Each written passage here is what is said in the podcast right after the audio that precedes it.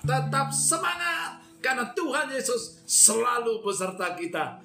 Renungan harian pada saat ini saya ambil dari kitab Efesus pasal 5 ayat 15 sampai 16 yang berbunyi demikian. Karena itu perhatikanlah dengan saksama bagaimana kamu hidup jangan seperti orang bebal tetapi seperti orang arif dan pergunakanlah waktu yang ada karena hari hari ini adalah jahat. Haleluya. Bapak Ibu dikasih Tuhan kita diingatkan kembali melalui firman Tuhan pada hari ini. Yaitu untuk kita bisa memperhatikan hidup kita dengan sama. Bagaimana kita hidup saat ini. Apakah kita hidup dengan bijaksana? Hidup dengan arif atau kita hidup dengan banyak menyanyikan waktu yang Tuhan berikan pada kita. Kalau kita ingin hidup kita sungguh-sungguh boleh bermanfaat bagi banyak orang, hidup kita sungguh-sungguh boleh menambah nilai bagi diri kita maupun bagi banyak orang, maka kita harus mengembangkan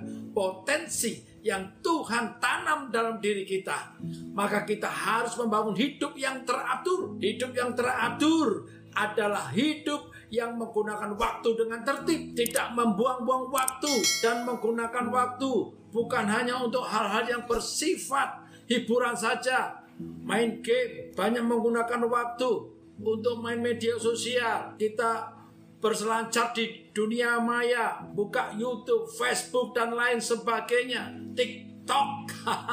Ayo, mari kita cek diri kita. Apakah kita sungguh-sungguh telah menggunakan waktu yang Tuhan berikan kita dengan arif, dengan bijaksana. Gunakan waktu kita dengan membangun potensi diri kita. Seperti membaca buku yang bermutu, berdiskusi dengan mentor, dengan orang-orang untuk menambah wawasan kita, berlatih keterampilan baru, mengembangkan keterampilan dan lain-lain, maka kita sungguh boleh menjadi orang yang arif.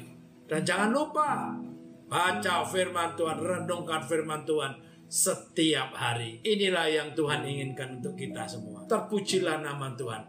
Tetap semangat. Amin.